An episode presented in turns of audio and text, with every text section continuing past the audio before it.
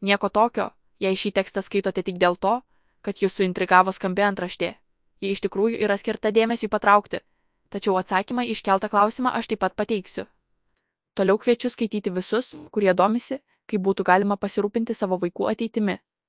Kokios yra investavimo galimybės, galimos rizikos, į ką svarbu atkreipti dėmesį pradžioje pasirenkant investavimo priemonės ir vėliau, kai ateina laikas tuos pinigus patikėti savo vaikams. Galiu jūs patikinti, kad to vienintelio ir iš visų geriausio būdo investuoti vaikų ateičiai nėra, todėl svarbu surasti geriausią kelią, kuris tiktų būtent jūsų šeimai. Tikslas - uždirbti milijoną iki vaiko pilnametystės yra drasus ir geras, tačiau akivaizdu, pasiekiamas dar ne visiems. Jeigu reikėtų atsakyti trumpai, kaip tai padaryti, atsakymas būtų paprastas. Svarbu investuoti ilgus metus ir tai daryti nuo pat pirmosios kūdikio gyvenimo dienos. Tačiau, kaip rodo Svetbank Lietuvoje finansų instituto reguliariai atliekami tyrimai, daugumai Lietuvos gyventojų investavimas vis dar yra netrasta žemė. Tad galbūt vaiko gimimas ir gali būti ta priežastis, kuri paskatintų žmonės apie tai pasidomėti daugiau. Svarbiausias finansinės elgsenos pavyzdys - iš tėvų. Rūpestis savo vaiko finansinė ateitimi tikrai gali būti puikus akstinas tėvams pažinti investavimą ir įdarbinti pinigus. Žinoma, nebūtina siekti milijono, nes savarankiško gyvenimo pradžiai tikrai užteks ir mažesnės sumos. Juolab, kad pasiryžę investuoti savo vaiko ateičiai ir darydami tai kartu su savo atžalomis, prisidėsime prie nemažiau svarbaus dalyko - vaikų finansinio raštingumo ugdymo. Kas iš to milijono, jei jį gavęs 18 metais nemokės tvarkyti su pinigais? Daugeliui mūsų šalies gyventojų reikėjo nuo nulio pradėti mokytis, kaip investuoti ar kaupti savo pensijai, tačiau jei mūsų vaikai tokį modelį matys nuo mažų dienų, tai jiems taps savaime suprantamu dalyku, kaip tai yra daugelį išsivyščiusių pasaulio šalių. Investavimas, įtraukiant jau ūgtelėjusius vaikus, leidžia geriau suprasti pinigų vertę ir jų atidėjimo ateičiai svarbą.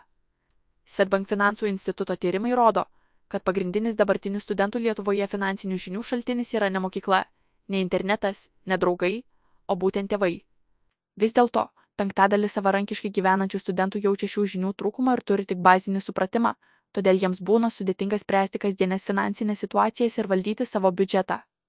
Paprastai tariant, dažnas jaunuolis nustemba, kad kažkada namuose nemokamas buvęs maistas yra toks brangus.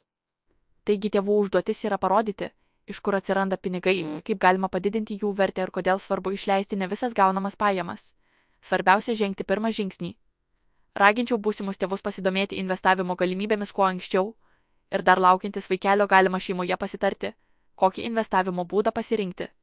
Svetbank duomenys rodo, kad daugelis tėvų renkasi investicinį gyvybės draudimą savo vaikams. Lietuvoje šis būdas mėgstamas dėl to, kad kasmet galima pasinaudoti GPM lengvata ir susigražinti dalį pinigų nuo sumokėtų įmokų. Be to, pats investavimo procesas yra automatizuotas ir tam nereikia skirti daug laiko. Kiti gyventojai renkasi investuoti vaikų ateičiai savarankiškai savo arba atskiroje vertybinių popierių sąskaitoje.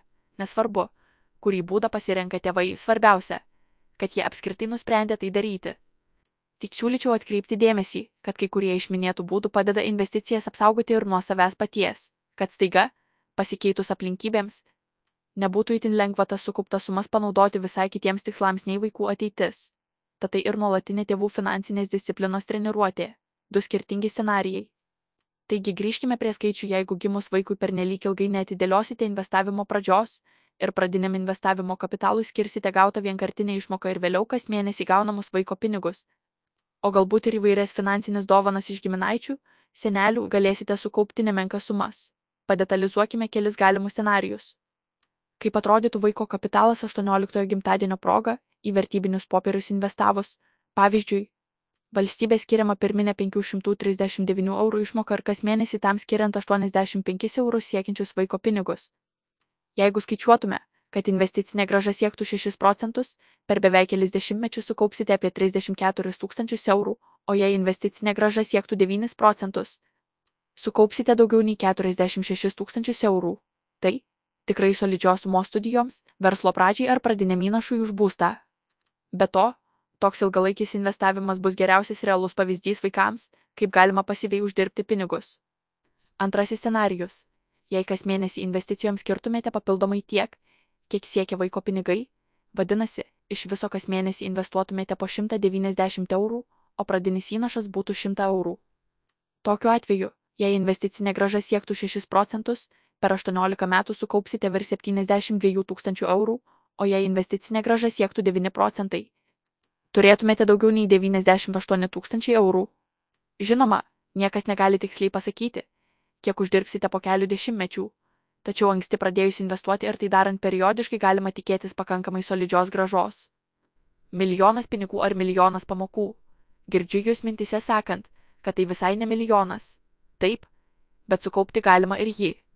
Norint 18 vaiko gimtadieniui turėti milijoną, reiktų startuoti su 5000 eurų pradiniu įnašu, o kasmėnesinės investicijos turėtų siekti bent 2000 eurų.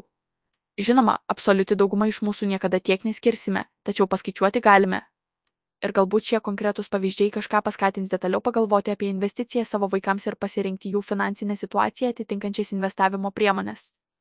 Pabaigai norisi dar kartą akcentuoti ne tik tiesioginę piniginę investavimo naudą, bet ir tai, kokį pinigų valdymo pavyzdį per tuos investavimo metus matys jūsų vaikai.